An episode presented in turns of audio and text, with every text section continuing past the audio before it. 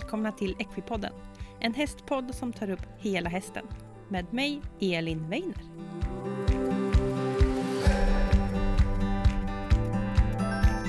Hej alla Equipodden-lyssnare och välkomna till veckans avsnitt av Equipodden. Eh, det här är avsnitt 99 och tänk nästa vecka är det avsnitt 100. Det är helt sjukt att det redan finns 100 avsnitt av den här podden. Det är eh, så otroligt att du väljer att lyssna på den här podden för det är du som gör det möjligt att jag kan driva den här podden. Jag tycker det är så kul. Eh, men nästa vecka, avsnitt 100, lite speciellt men vi får hålla oss en vecka till för nu är det avsnitt 99 som gäller. Och då ska vi få träffa Ulrika Foreus som driver bloggen Ponnymamman. En av de större bloggarna i Sverige och eh, Ulrika hon skriver högt och lågt om vad hon tycker och tänker och är inte rädd för att sticka ut hakan. Eh, hon berättar om hur hon startade bloggen, eh, vad syftet var, vad syftet är och vad hon skriver på bloggen. Vi pratar också om varför hon lämnade ridsport där hon arbetar som journalist och har en journalistisk bakgrund och att hon idag har den på en egen plattform. Eh, vi pratar också om hur det känns att vara en ganska inflytelserik person. Hon var med på listan som Hipson gjorde bland de mäktigaste i hästvärlden eh, år då, förra året.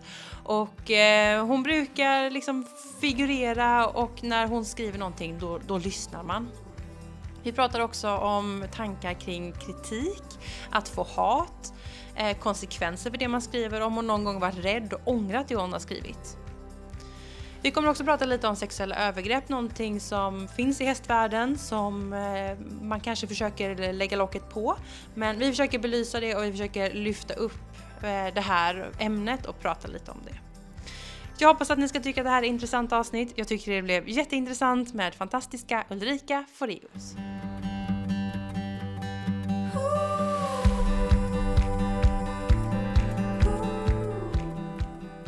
Så, då hälsar jag välkommen Ulrika Foreus. Hej!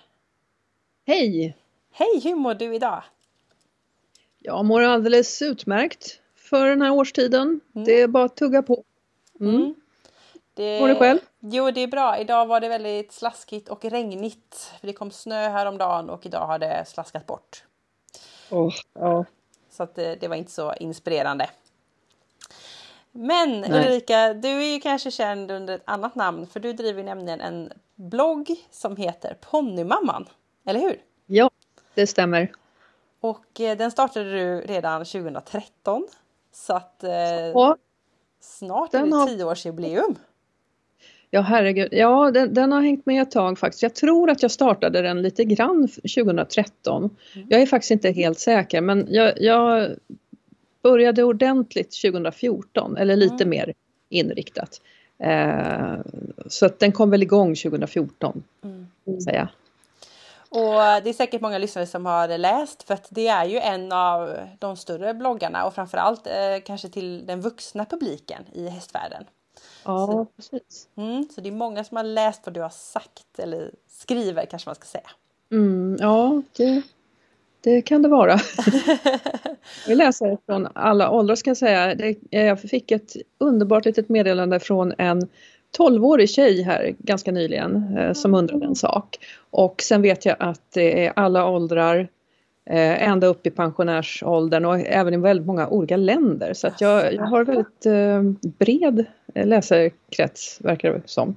Kul! Mm, ja, det tycker jag är roligt. Fantastiskt. Och eh, ja, känd som Ponnymamman, eh, bloggen och eh, har en journalistikbakgrund. Men jag tänkte att du kunde få börja med att berätta lite vem du är och hur du hamnade där du är idag.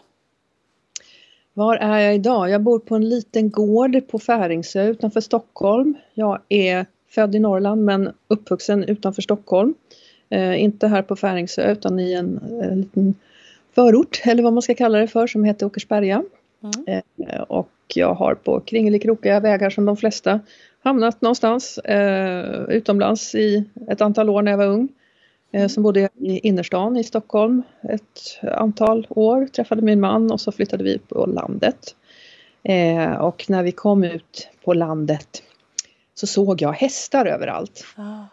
Då blev jag, det var som att någonting från mitt förflutna knackade på. Liksom. Ja, jag, jag kände liksom att jag måste, jag hade ju häst som barn och sen så eh, tog de bort min häst när jag var 14 år och mm. jag gick in i någon sorts mörker faktiskt har jag förstått nu efteråt. Saknar hästar fruktansvärt fast jag inte förstod det eller visste det då. Eh, och så kom vi ut hit på landet. Jag var ju då 30 år och hade då varit borta från hästar i väldigt många år. Eh, och en dag så var det som att jag bara, jag måste bara gå fram och lukta på en häst. Jag gick fram en, till en hästhage och klappade en häst och det var när den här hästdoften kom så var det som att det bara sköljde över mig en massa minnen och längtan och, och allt möjligt. Och då en dag när jag skulle åka och handla mat så åkte jag till traktens ridskola och svängde in där och så gick jag ur och så frågade jag, har ni några nybörjargrupper för vuxna? Jag har ridit för länge sedan men eh, det, jag skulle vilja börja om. Ja visst, kom på tisdag klockan 18 sa de. Och sen, sen var det kört. Två år senare hade jag min egen häst. Ett fullsto köpte jag. Mm. Helt vansinnigt såklart. Men, eh, och hon är nu död men hon är mormor till eh, min nuvarande häst. Wow! Ja, så det, det, det blev ett återvändande med, med kraft. Det var häftigt, vilken historia! Det var helt fantastiskt och jag hade ju glömt bort, jag hade förträngt så mycket, jag hade glömt bort eh, vad delar av träns och så vidare hette. Men sen så kommer jag ihåg, jag stod där i ridskolegången och, och lyssnade på de andra när de pratade så sa de de här orden stigbygel, sadeljord, mm. stigläder och då kom ju allting tillbaka. Och, och, ridningen kom ganska fort tillbaka också. Jag fick fruktansvärt träningsverk efter den här första ridgången kommer jag ihåg. Men eh, sen så kom det, det kom tillbaka på något sätt. Det var, det var som att cykla, har man väl kunnat en gång så, så kommer det tillbaka och eh, jag klättrade slappt. Eh, jag var tvungen att byta grupp flera gånger för att jag fick min balans och, och läraren sa att det, den här gruppen blir för tråkig för dig. Du får byta till den här kvällen. Kan du komma på torsdagar istället och så vidare. Och sen köpte jag som sagt en häst, eh, kanske lite för tidigt. Men det var så som ödet ville att det skulle vara tydligen. Mm. Ja, och nu bor jag på en liten gård. Mm. Och just nu har vi inte så många hästar, vi har två bara. Vi hade fem för ett år sedan. En häst dog för ett år sedan. Det var fruktansvärt. Det var min uppfödning som stod mig väldigt nära och sen har vi sålt en ung häst till K1, mm. alltså med högvakten. Eh, också en egen uppfödning. och sen så har jag kvar min dotters tävlingshäst. Hon la tävlandet på hyllan för ett och ett halvt år sedan nästan. Mm. Eller ett år och tre månader sedan är det nu. Det är helt enkelt väldigt dyrt och eh, ska man ligga på topp sådär, alltså man måste verkligen ägna sig åt bara, bara det. Och ja. gjorde ett val att ta en paus. Mm. Eh, och hennes häst var då 14 år. Så vi eh, hade lite vel där vad vi skulle göra med henne. Men vi bestämde oss för att vi skickar inte, alltså det är en väldigt, väldigt, väldigt speciell och inte så lätt häst. Eh, hade blivit svårt att hitta en bra rätt rytm för den hästen. Mm. Så vi eh, har kvar henne och eh, hon är dräktig, ska ha ett föl om tre månader. Åh, vad roligt! Jag rider henne och jag rider också min egen häst och jag har två fantastiska medryttare. Elin och Fia, jätteduktiga är de. Mm. Som hjälper till att motionera mina hästar och eh, duktiga är de på dressyr och Elin rider lite fälttävlan också. Coolt. Så ja, så det, så ser det ut och så. Så att vi har inget stort hästliv just nu men det är ganska lugnt och skönt för jag var ju tävlingsförälder i tio år. Eh, och eh, det frestar på på många sätt. Det var jätteroligt men det är också väldigt intensivt, det är väldigt dyrt. Man har aldrig, man är inte hemma på helgerna under den här tiden då det kanske är mysigt att vara hemma när det är gröna årstiden och sådär. Så att det har varit en liten andningspaus. Mm efter det. Kanske lite tråkigt men, men eh, jag förstår också absolut min dotters val och stöttar henne 100% i, i det. Jag tycker det är sunt också att ta ett steg ifrån hästlivet eh, under några år. Eh, eller hela livet, det får man ju se men hon säger ju att hon saknar det så hon ska inte få börja om. Men det, får hennes, eh, det är hennes, helt och hållet hennes sak. Mm. Mm. Ja men det är så. Det är olika faser i livet har sin charm. Ja men visst är det så och eh, de här faserna de fortsätter ju sen mm. i, när man blir vuxen och alla möjliga förändringar kommer. Mm. Så är det. Ja. Precis. Och sen har du eh, också jobbat som journalist. Det har jag gjort ja. Jag utbildade mig på det avlägsna 1900-talet. Eh, ja, precis. Jo, och jag kom väl igång som journalist kring 1995 ungefär och jobbade först med nyheter. Jag har faktiskt varit eh, eh reporter i eh, Rinkeby-Tensta, de här mm. förortsområdena utanför Stockholm. det fanns en lokaltidning där som jag jobbade på. Eh, sen har jag jobbat med lite allt möjligt, hus och hemtidningar och sen så har jag också jobbat med hästsporttidningarna. Framförallt tidningen Ridsport då som jag eh, frilansade för länge. Mm. Mm. Precis. Och eh, sen startade du din blogg då eh, och har ju skrivit väldigt mycket inlägg eh, om massa olika saker. Och eh, kan du inte berätta lite om hur du började med att liksom skapa den här bloggen eller varför du kände att en blogg är något jag vill börja med? Och ja. lite vad ditt syfte var? Ja, men precis. Ja, det är inget syfte alls. och jag är sist med allt. Jag var ju inte precis, alltså det var ju eh, jag bara kände att det skulle kanske vara lite mer kreativt för att, att jobba som journalist det är ju ganska eh, styrt så tillvida att du måste ju hålla dig inom de journalistiska ramarna. Du till exempel åker ut på ett nyhetsreportage. Då ska jag, ja, vad är det som har hänt där? Det är ett hus har brunnit ner. Eh, vilket hus har brunnit ner? Eh, vilka var på plats? Ja, det var brandkåren, det var polisen och det var, eh, var det några skadade och så vidare. Det, det är liksom nyhetsrapportering och sen har man andra, andra sorters skrivande. Men det, man har ju sina ramar att hålla sig inom och eh, även många etiska regler och sådär. Så att, att börja skriva så fritt som det var med bloggen, det var ganska svårt faktiskt. Det kanske man inte tror, men det var jättesvårt för mig att eh, inse att jag, jag måste nu inte, det här ska inte bli kollat av någon redaktör och jag får ta ut svängarna, jag måste inte tänka på det. Det, jag, jag, det var svårt att, att lösgöra sig faktiskt från den där ramen.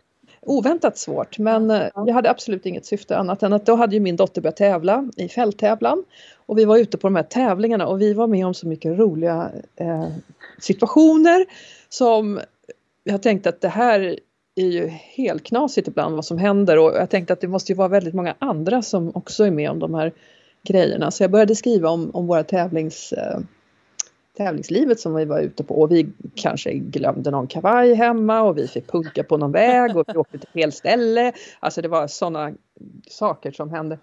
Eh, så det där, där började jag väl och då låg min blogg från allra första början på något som hette Horse World, tror jag. Mm. Eh, och då var det ju bara jag och en massa barn. Så mm. jag förstod det på de andra och så såg jag, jaha, de har någon topplista här. Ja, ja. Och så såg jag, jaha. Mm, och sen en dag så hade jag hamnat på den där topplistan. Eh, och så tänkte jag, oj, vad har jag skrivit nu? Och då hade jag skrivit någon åsikt. Jag hade skrivit att jag tyckte att barn skulle mocka sina boxar själva. Och det där hade ju tagit skruv tydligen, så jag bara oj då. Och sen så ringde tidningen Ridsports dåvarande webbchef Gunilla och sa att din blogg är jättebra, kan inte du ha den hos oss? Mm. Eh, och då tyckte jag att ja men visst, så la jag den där. Och då bloggade jag en gång i veckan. Eh, och då, där någonstans så hittade jag formen för hur man gör och där, där någonstans blev det lite lättare att på något sätt, inte på grund av att jag låg där men på något sätt så det, jag skulle producera ett blogginlägg i veckan. Mm. gjorde jag det också. Annars kunde det ju gå många veckor mellan mina inlägg i början. Ja, Sen precis. finns ju bloggar varenda dag, flera gånger om dagen. Sån har jag aldrig varit och kommer aldrig att bli. Men, men eh, så gick det till i alla fall när den hamnade hos Ridsport. Mm. Och där märkte jag ju återigen att tyckte man någonting, då jäklar tog det, tog det hus i helvete ibland. Eh, och eh, då blev det också många besökare. Inte för att det på något sätt liksom styrde så. Jag tänkte inte så här, nu ska jag skriva det här, då får jag många besökare. Och jag tänker inte så längre heller, nu, idag heller. Men, men eh, jag upptäckte det i alla fall att åsikter, det var verkligen någonting som folk gick igång på. Mm. Antingen tyckte de, ja men jag tycker också sådär, eller så var det, nej, sådär tycker jag absolut inte. Och så kommer kommentarerna och delningar och så vidare. Mm. Så gick det till. Mm. Mm. Och då hade du den på ridsport ganska länge? inte jättelänge, det var väl ett par år tror jag. Mm. Eh, som den låg där. Eh, och det, ja, det var ju en intressant tid verkligen. Mm. Det var då som jag blev lite känd också för en bredare hästpublik sådär. Just det. Man fick Mm. lite skjuts av eh, Ja, liksom, namnet ridsport så. Oh, ja. Eh, så var det absolut. Mm. Men den ligger inte kvar där utan du har flyttat den eh, igen, eller hur? Eh, jag, jag har, ja precis, jag har ju flyttat den egentligen två gånger då, från det här Horse World eller vad det var Mm. och, till, och sen från ridsport. Och det var för att jag har aldrig haft någon strategi sådär med bloggen, vad den ska innehålla och när jag ska lägga ut saker och så. Men däremot så kan det hända, det kunde hända så att jag reagerade på någonting och så ville jag ha ut det då, Ja, precis. om fyra dagar. Mm. Så en, en gång i veckan började det kännas lite för lite. Mm. Eh, och jag ville kunna ta ut svängarna utan att någon hindrade mig. Utan jag ville verkligen kunna skriva vad jag ville om vad som helst. Eh, och det var väl kanske några sådana situationer där jag inte kanske kände att jag kunde det hos ridsport. Men framförallt var det så att jag kände att jag inte kunde vara så spontan som jag, som jag ville vara. Att om jag reagerade på till exempel att det hade varit en barrering eller någonting som hade hänt så ville jag kunna slänga ur mig någonting om det direkt. Ja, Och inte vänta på att det skulle gå x antal dagar eller någonting sånt där. Så Precis. det, var, det var snabbheten egentligen i det hela. Mm, mm.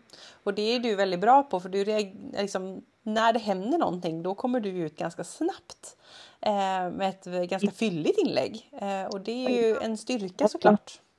Ja, ibland. Ibland kan jag helt missa saker eller vara upptagen och inte kunna, liksom, då känner jag att ah, jag borde ha skrivit något om det där. Men eh, det går inte alltid. Att, eh, men, men eh, ja, ibland och sen speciellt om man vet att något ska hända som Jerringpriset till exempel. sitter man ju upp och tittar på det. Mm. Då kollar jag lite hur det går och sen smattrar jag ner någonting. Ja, Mm. så att eh, ja. Det, jag försöker ju hänga med i vad som händer i ridvärlden, hästvärlden. Jag kollar Hipson och ridsport så gott som dagligen.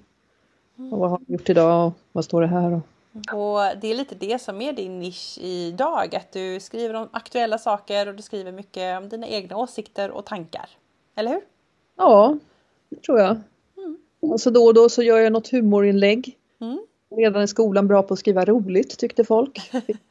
Fick folk att skratta med mina texter. Det försöker jag göra ibland också för att det, det behövs den mixen. Man kan inte bara vara gravallvarlig och man kan inte bara vara eh, debatt, eh, göra, göra debattinlägg.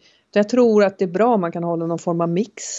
Eh, jag kan också skriva om helt vardagliga saker. Eh, som mockning till exempel. Eh, det går att skriva om precis vad som helst eh, på ett intressant sätt. Tror jag. Och jag försöker att, att ha den där mixen. Nu har det väl varit ganska mycket debatt under vintern här. Eh, men det, jag har ingen strategi alls sådär. Jag vet inte alls eh, när jag kommer göra mitt nästa inlägg till exempel. Eller jag har inte så här på fredag klockan tre ska jag lägga ut det här. Jag vet att en del bloggare jobbar så men Mm. jag har ingen som helst eh, schemaläggning eller strategi att nu ska jag ta upp det här. Utan det, jag, det ramlar på mig bara och så skriver jag något och slänger ut det. Härligt ändå. Ja, eh, det är rätt skönt och jag har ju heller inte en massa sponsorer och sådana där. Så jag tror att det blir, jag hade ett tag en, en annons som var ganska stor och som, som un, under den tiden kände jag en viss press. Lite som att gå i ett strypkoppel faktiskt. Att Ja. måste du producera och det måste vara siffror och så vidare. Jag tyckte det var jättejobbigt.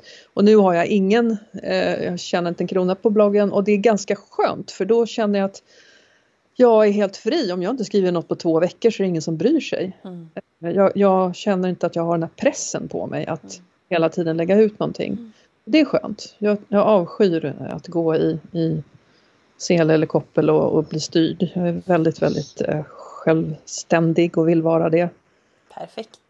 Det låter Ja. härligt. Ja, ja, ja, ja, det kanske det är. I alla fall.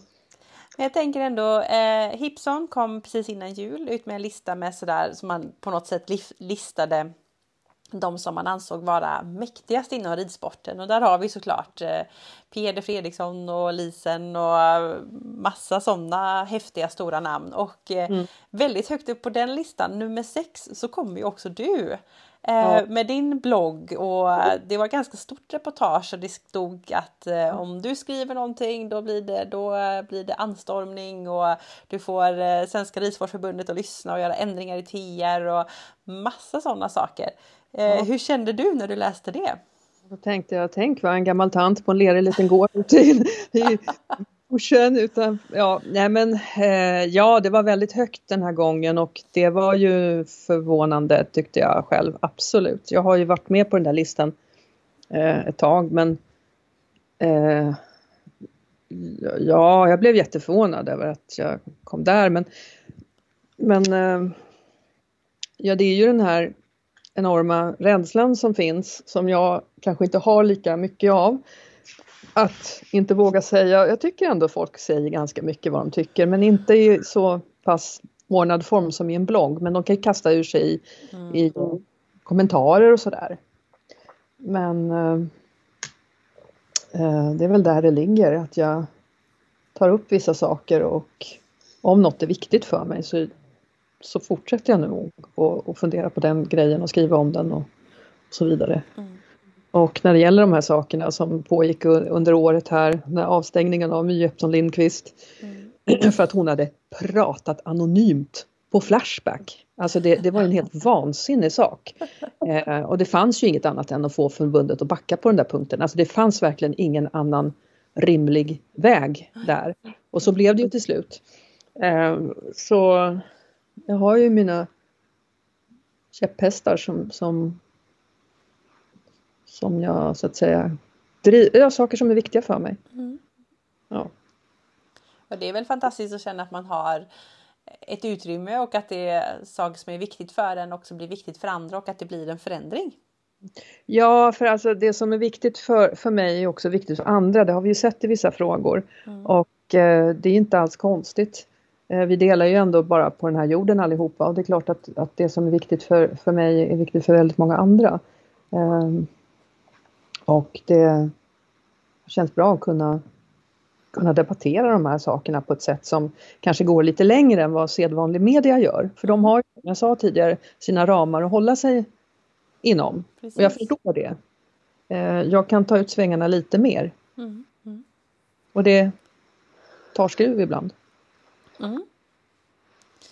Och det är ju klart att när man skriver mycket så, precis som du sa innan, att det kan vara massa positivt och det kan också vara en hel del negativt. Och mm. eh, jag fick väldigt mycket lyssnarfrågor kopplat till just hur du ser på att få kritik eller om du någon gång har varit eh, orolig för konsekvenser för saker du har skrivit eller om du varit rädd eller ångrat någonting du har skrivit någon gång. Nej, Nej, jag har nog inte ångrat så mycket, det tror jag inte, utan jag är så pass grundad i mig själv tror jag, så att jag tror inte att jag så här, åh nej, jag borde inte ha skrivit det där. Eh, någon gång kanske jag gått in och ändrat någon mening, men nej, det ska ganska mycket till för att jag tar bort inlägg till exempel. Har väl hänt någon gång, men inte på grund av, av folk, utan då har det nog varit något annat som har eller jag kan sitta och rensa efter flera år bara, men den där grejen är inte ett dugg aktuell, jag tar bort den. Men, ja, men i, i, i, det, nej jag, jag, låter nästan alltid allting stå kvar. Och jag försöker också låta folks kommentarer stå kvar så länge de inte börjar gå till personangrepp och det blir liksom riktigt, riktigt no, låg nivå. Det tycker jag inte om. Utan jag vill att man får gärna käbbla, man kan bråka med varandra men det ska hålla en, en sansad nivå någonstans. Mm. Mm. Inte bli för fult. Just det. Så, så länge folk inte angriper varandra på en alltför låg nivå så då får de gärna bråka på. Jag tror ju att diskussioner och, och debatter för ju saker framåt. Eh, man behöver inte vara så förtvivlat rädd för diskussioner utan det, det är någonting som tar saker framåt. Mm. Så jag tycker att eh, det är tråkigt om, om samtalet i samhället skulle bli för ängsligt. Sen kan jag också tycka att det går för långt åt andra hållet när det gäller framförallt personangrepp. Mm. Eh, så kan det bli väldigt otäckt. Eh, så länge man diskuterar sakfrågor mest så, så tycker jag att vi ska inte vara rädda för att diskutera mm. sak. Precis. Utsätts du mycket för personangrepp? Nej, inte så jättemycket. Eller typ kommentarer? Ja, det, jo det händer väl. jo visst får jag det. Det är bara att titta i kommentarsfälten. Det blir ju sånt ibland, absolut. Blir det det. Jag är inte överkänslig efter åtta år med det här så att jag tänker mest bara ja, ja, ibland svarar jag kanske någonting, ibland går jag inte in i kommentarsfälten överhuvudtaget. Mm. Uh, ibland tycker jag inte att jag ska det. Uh, det är lite olika men uh, man kan också känna, det finns sådana som man har vissa följare som man vet så här, den där personen tål inte mig, den där personen gillar verkligen inte mig. Man kan känna det på liksom, tonen i kommentarerna men jag tar inte bort liksom, en följare bara för att hon ofta skriver sura kommentarer. Alltså jag har blockat kanske, ja, jag kan räkna på mina fem fingrar hur många jag har blockat. Det är verkligen inte många men då har det varit eh, väldigt, då har det varit lite extremt. Då, då har de gått eh, väldigt långt. Mm. Sen vi får väldigt mycket eh, meddelanden i inboxen också. Mm. Och då, jag har ju fått också en hel del anonymt hat har jag fått. Mm. det finns en person, jag vet vem han är. Det är en hoppryttare i vårt land som håller på att skapa falska konton och jagar mig. Beter sig som ett riktigt jävla as, förlåt, får man säga så i en podd? Jag vet inte. Ja. Men så att det finns ju, det har ju gått till ytterligheter absolut. Men inte ofta och eh, det är inte så svårt för mig att räkna ut vilka de personerna är eh, efter vad som pågår och sådär. Mm. Så att det har ju, visst det har ju hänt och det är ju inte jätteroligt. Mm. Men eh, inte så att det liksom stänger in mig eller hindrar mig mm. på något sätt. Eh, det tycker jag inte kanske. Mm. Jag tänker att eh, det diskuteras mycket liksom, klimat på sociala medier och det är klart mm. blogg tillhör ju typ av sociala medier. Mm. Och att det är mycket hat och många är rädda för att lägga ut till exempel mm. någon mm. film när man rider eh, för att man är rädd att få taskiga kommentarer och jag tycker vissa grupper på Facebook är väldigt sådär eh, onödiga ja. kommentarer. Ja. Jag kan säga att jag inte är med i så många hästgrupper. Mm. Och jag vet precis vad du menar. Jag skulle själv inte lägga ut någon video där jag rider. Mm. Absolut. Och det är precis på grund av det du, du nämner där. För att det finns mm. alltid någon som sitter och tycker någonting och det där är ju den tråkiga sidan. Den, den goda sidan är när vi diskuterar, när man kommer framåt med någonting, när man, när man men den dåliga sidan är ju just det där. Eh, jag lyssnar just nu på Isabella Lövengrips bok om sig själv, en ljudbok. Och hon har ju fått utstå fruktansvärt mycket. Hon, hon, har ju alltså dagligen fått höra hur ful hon är, att hon är tjock, att hon är äcklig, att hon är en dålig mamma. Och eh, jag undrar verkligen vad det gör med människor i längden om, om man får höra det precis hela, hela, hela tiden. Mm. Uh, så illa har det ju inte varit för mig. Men den sidan av nätet är ju fruktansvärd. Och man kan ju säga, jag brukar resonera så att om du hela, jag sticker till exempel ut hakan. Jag vet så här, lägga ut det här, då kommer jag kanske få lite stryk av några. Eh, men man får också tänka på vem är det man ger sig på. Vi hade ju en diskussion helt nyligen här om, om den här tjejen som eh, blev intervjuad i Hipson om sin hästhållning. Hon hade startat ett nytt företag. Hon var 22 år och ganska okänd. Mm. Och det drevet som blev mot henne tyckte jag var väldigt osmakligt. Mm. Och jag tyckte det därför att det var en helt okänd människa som antagligen inte har byggt upp något sånt här pansar mot en offentlighet som helt plötsligt bara kastar sig över henne. Eh, det är en annan sak för en politiker, de måste tåla och de är nog inte ens ute och läser allt som skrivs om dem. Eller en, en kändis av något slag, de, de, måste få, de måste tåla lite mer. Det är en allmän princip eh, som finns. Eh, och det, jag håller med om den men vi måste vara lite mer försiktiga med varandra tycker jag. Mm. Eh, ni kan puckla på mig men tänk er för innan ni går på unga människor. Jag tycker det är så trist. Mm, mm. Ja. Nej, men det, det, är intressant att det, att det är så ändå att man att vissa behöver kunna tåla lite mer och stå emot och att det, att det förekommer. Det, det är ett intressant fenomen i, eh, i samhället. Äldre personer är ofta värre än yngre i det här. Jag tycker mm. de har jättedåligt hyfs på nätet.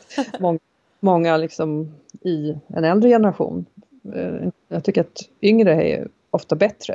Mm. Mm. Men, mm. Ja. Intressant, men det är ju häftigt att du har lyckats eh, liksom bygga upp en sån trygghet och eh, vågar sticka ut hakan som du gör gång på gång. Jag tänkte att vi skulle gå vidare lite granna och ta ett till ämne här. Mm. Och eh, ibland har du blivit inkallad som så kallad expert och fått prata om olika saker. Och en sak som du har fått prata om en del det är sexuella övergrepp inom ridsporten. Eh, och eh, du har ju också skrivit den här boken Händelserna på hästgården som till viss del handlar om eh, sexuella övergrepp. Ja. Och det är någonting som föregår och jag tänkte att du kunde få berätta lite om vad du har fått möta och din syn på det och hur du har hamnat i, i centrum på en sån sak. Ja, det kan man ju faktiskt undra för jag har ju inte varit utsatt för det där själv och eh, inte heller har min dotter råkat ut för just det under sin tid som ponnykej och eh, sen unghästtjej.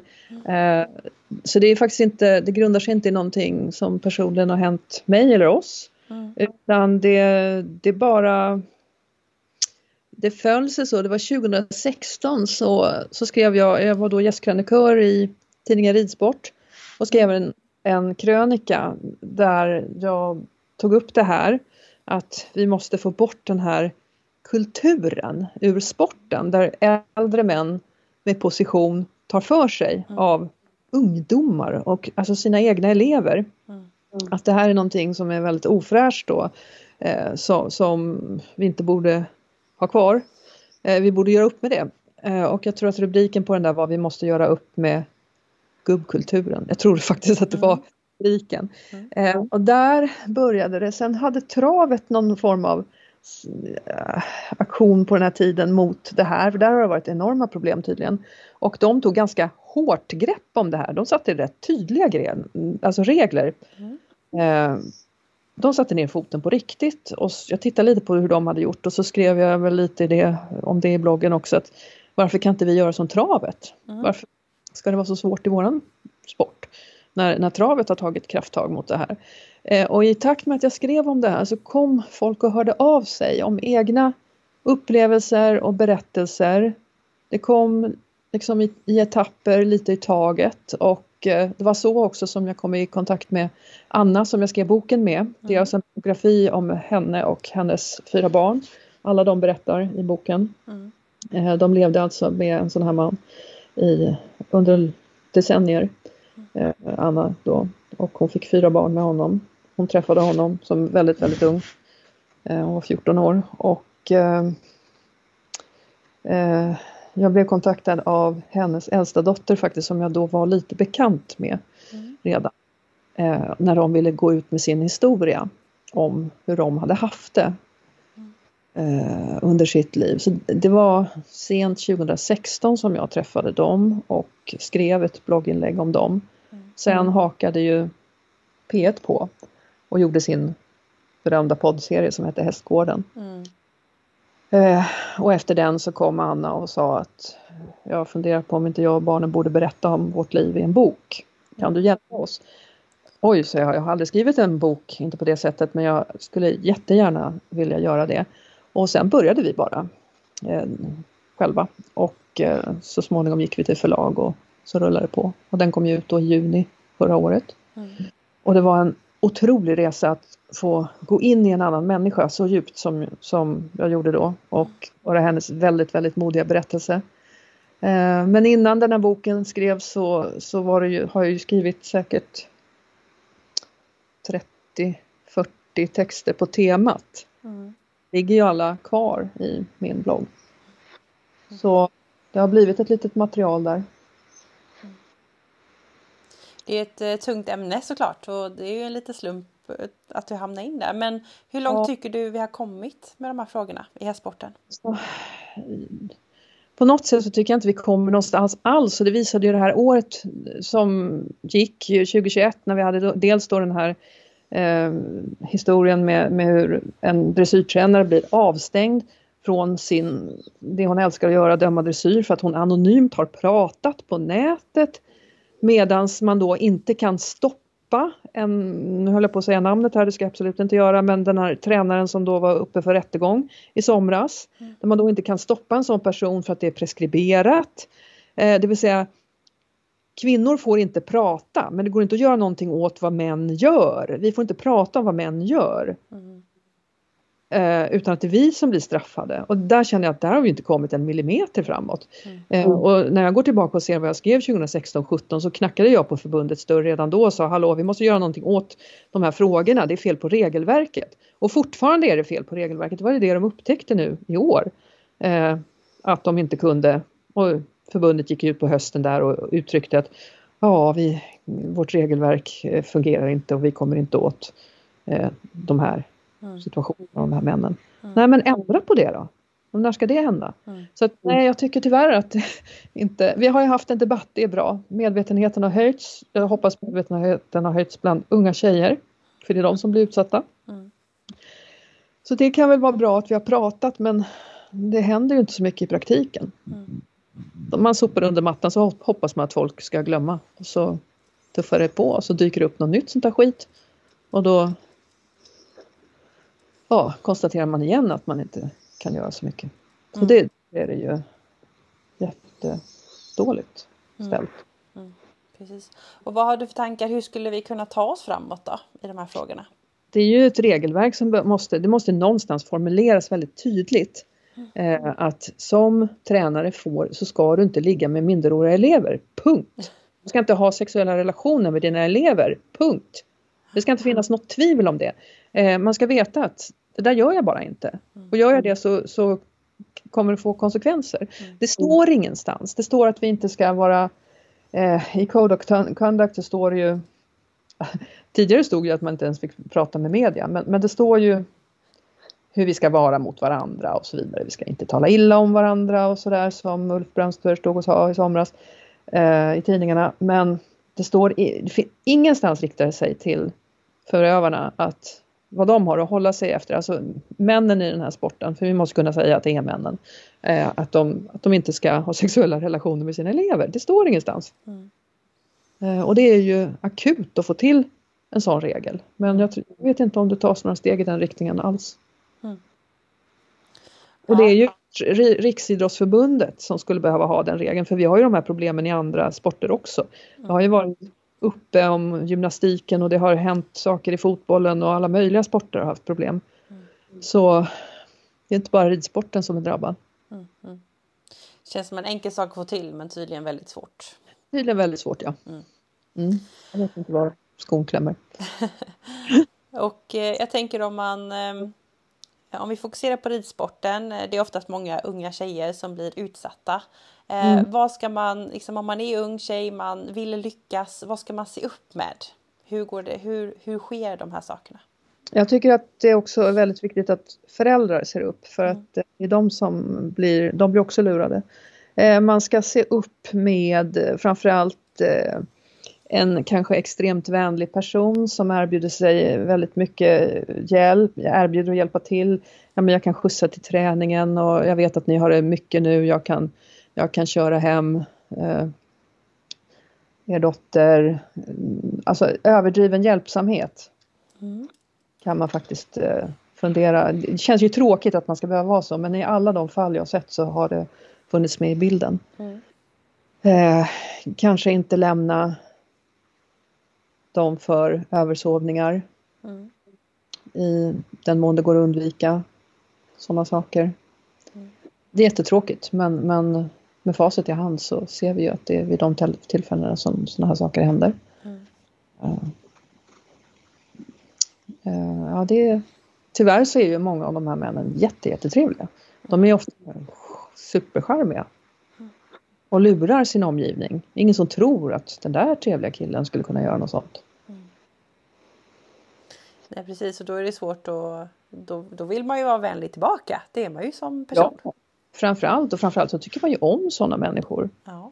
Rent spontant. Mm. Och har ju inte svårt att tänka sig att de skulle kunna göra någonting dumt eller fel. Mm. Men det är oftast ett kännetecken, eh, stor charm. Mm. Och stor hjälpsamhet. Men att vara med helt enkelt som förälder. Skjutsa själv. Var med. Se till att någon vuxen sover i rummet och så vidare. Mm.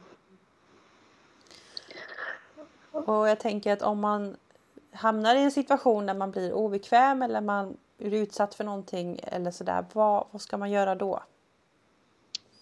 Oj, ja, det är svårt att tänka sig in i att vara kanske 14-15 år eller 13 eh, och hamna i en sån situation men eh, det gäller ju att våga backa ur situationen och sätta en gräns kring sig själv. Mm. Eh, att inte tillåta att den här vuxna mannen gör de här närmandena.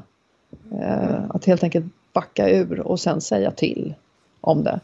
Och våga säga det till någon annan vuxen. Det här är ju väldigt svårt för ibland kan ju de här de, de som säger ifrån får ju ofta, det kan vara svårt att säga ifrån, man kan hamna, man riskerar tyvärr att människor inte tror på en, eh, att man hittar på, att man ljuger och så vidare. Men jag tror att det är jätteviktigt att barn känner att de har det modet. Mm. Och att man som vuxen, om man får den sortens förtroende, att, att en, en ung person kommer och berättar någonting sånt här, inte slår bort det, inte skuldbelägger, utan lyssnar och tar det på allvar. Det är jätte, jätteviktigt. Mm. Mm. Såklart. Mm.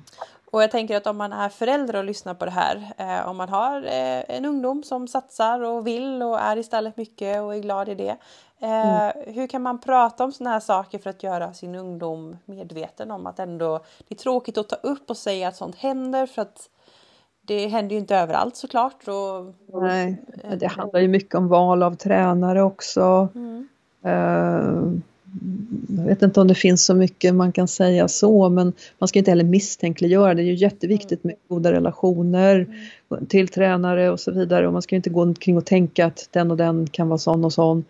Uh, men bara att hålla ögonen öppna och förklara för ens barn att du kan alltid komma till mig med jobbiga saker. Mm. Och jag kommer att lyssna då. Mm. För det går inte att gå händelserna i förväg och liksom, man ska inte heller gå omkring och vänta sig att sånt här ska hända. Mm. Uh, det tycker jag också är viktigt att vi inte ska gå omkring och vara, vara rädda så. Jag tror till exempel inte att det händer så mycket på ridskolor. Det var någon som sa, vågar man låta sitt barn gå i ridskola? Jag sa, ja det vågar du absolut för där är det ju tror jag det händer minst. Mm. Eh, jag tror att det är mycket högre risk för de här tjejerna som elitsatsar. Mm. För det är då man har höga ambitioner, man har stora drömmar och, och, det är där det är möjligt för en potentiell förövare att, att kanske använda sig av de här drömmarna och de här motivationen som man har att jag ska hjälpa dig. Jag ser du är en tävlingsmänniska, du vill komma till toppen, jag ska hjälpa dig dit. Eh, det, det, är mycket där de kan få fäste liksom i, i, i de här tjejernas stora drömmar. Ja precis, det finns ju de historierna där man, har, där man blir väldigt utsatt och väldigt ensam och lämnad eh, till ja. någon som ska säga hjälper en och som man, man hamnar i ett beroendeställning till den. Ja, verkligen, man är ju redan i ett beroendeställning och sen kanske man har, det kan ju vara Ens föräldrar kanske inte har tid att skjutsa en varenda gång. Tävlingar kan ju ligga väldigt långt bort. Mm. Eh, att man är uppmärksam på sådana situationer som förälder. Att man faktiskt ser till att man kan åka med på tävlingarna. Eh, eller att, att man ja, tänker sig noga för vem åker mitt barn på tävling med? Om man nu absolut inte kan det själv. Det. Mm. Ja, ett eh, tungt ämne och eh, ja. mer finns att göra. Oh ja, jag eh, tänker att vi ska börja runda av lite grann och vi har ju fått med en hel del intressanta saker att prata om, också många lyssnarfrågor. Men jag tänkte jag skulle avsluta med att fråga om du fick skicka med tre tips till en eh, som eh, finns i ridsporten och vill utveckla sig. Vad ska man göra då? Tre tips till någon som vill bli bättre. Tips till någon som vill bli bättre? Mm. Oj, oj, vad svårt. Inom ridning då, tänker du? Ja, eller ja, inom ridning eller inom sin ridsport eller eh, allmänt kanske. Du kanske har något jättebra tips? det är alltid svårt när man får frågor så här lite överrumplande men, men någonting som, eh, ja alltså eh, för det första var ödmjuk inför hästen. Mm. Eh, och så har jag en tillräckligt bra häst. Var ligger min ribba? Vad vill jag nå? Eh, är jag nöjd med att tävla med svåra klasser eller vill jag till den yttersta eliten? Och sen se hur kan jag komma dit? Då kanske man framförallt måste man ju ställa ganska höga krav på sig själv. Hur mycket orkar jag träna? Orkar jag vara i stallet varje dag? Orkar jag dessutom träna mig själv, springa den där extra rundan, orkar jag jogga, orkar jag gå på gymmet? För det, det är väldigt mycket en själv det handlar om. Mm. Det är väl det ena. Eh, sen får man ta en ärlig titt på sin häst som man kanske älskar över allt annat på jorden men har den kapaciteten att möta mina för, förväntningar. Är, är det helt enkelt en tillräckligt bra, det här låter ju jättehemskt men eh, ponny eh, och om jag har högre ambitioner än vad min ponny kan räcka till för, kan jag då byta? Har jag möjlighet? Har mina föräldrar möjlighet till det? Eh, var ödmjuk inför detta faktum. Eh, att alla hästar kan inte nå men om man verkligen själv vill väldigt långt så kan det vara nödvändigt mm. att, att byta häst eller ponny. Eh, och inte vara besviken på den man har så att säga.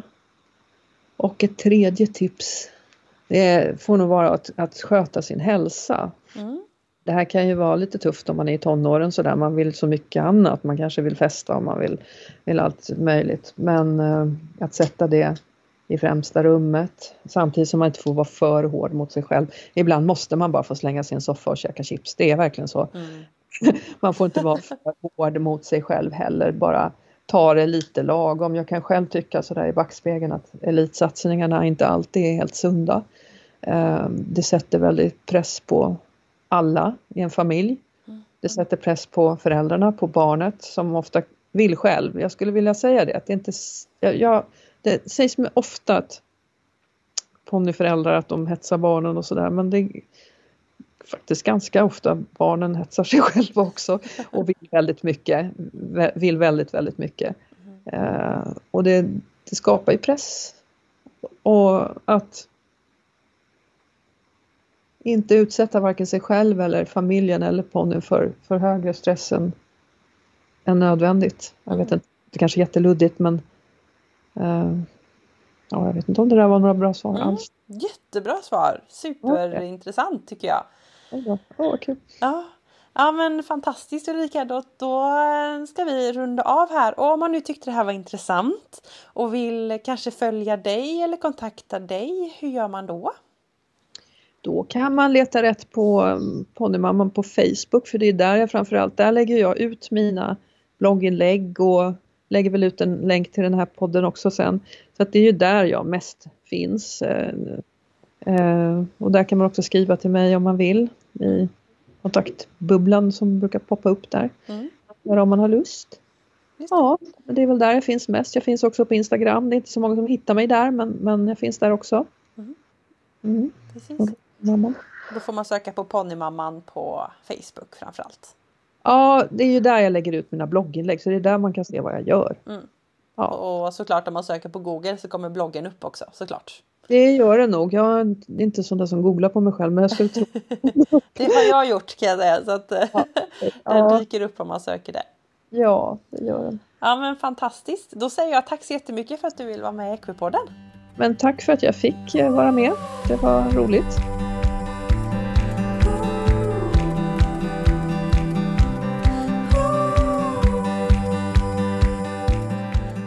Ett eh, så spännande och intressant avsnitt. Tack Ulrika för att du vill vara med i Equipodden. Och en sak som jag verkligen gillar med att driva podd är att man får träffa intressanta människor och lyssna på deras tankar och åsikter. Och det här är ett sånt otroligt bra exempel på det, för Ulrika hon är så intressant att lyssna på.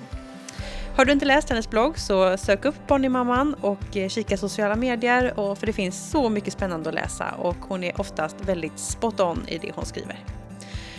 Följer du inte Equipodden på sociala medier, då tycker jag att du ska gå in och göra det. Equipodden finns på Facebook och på Instagram.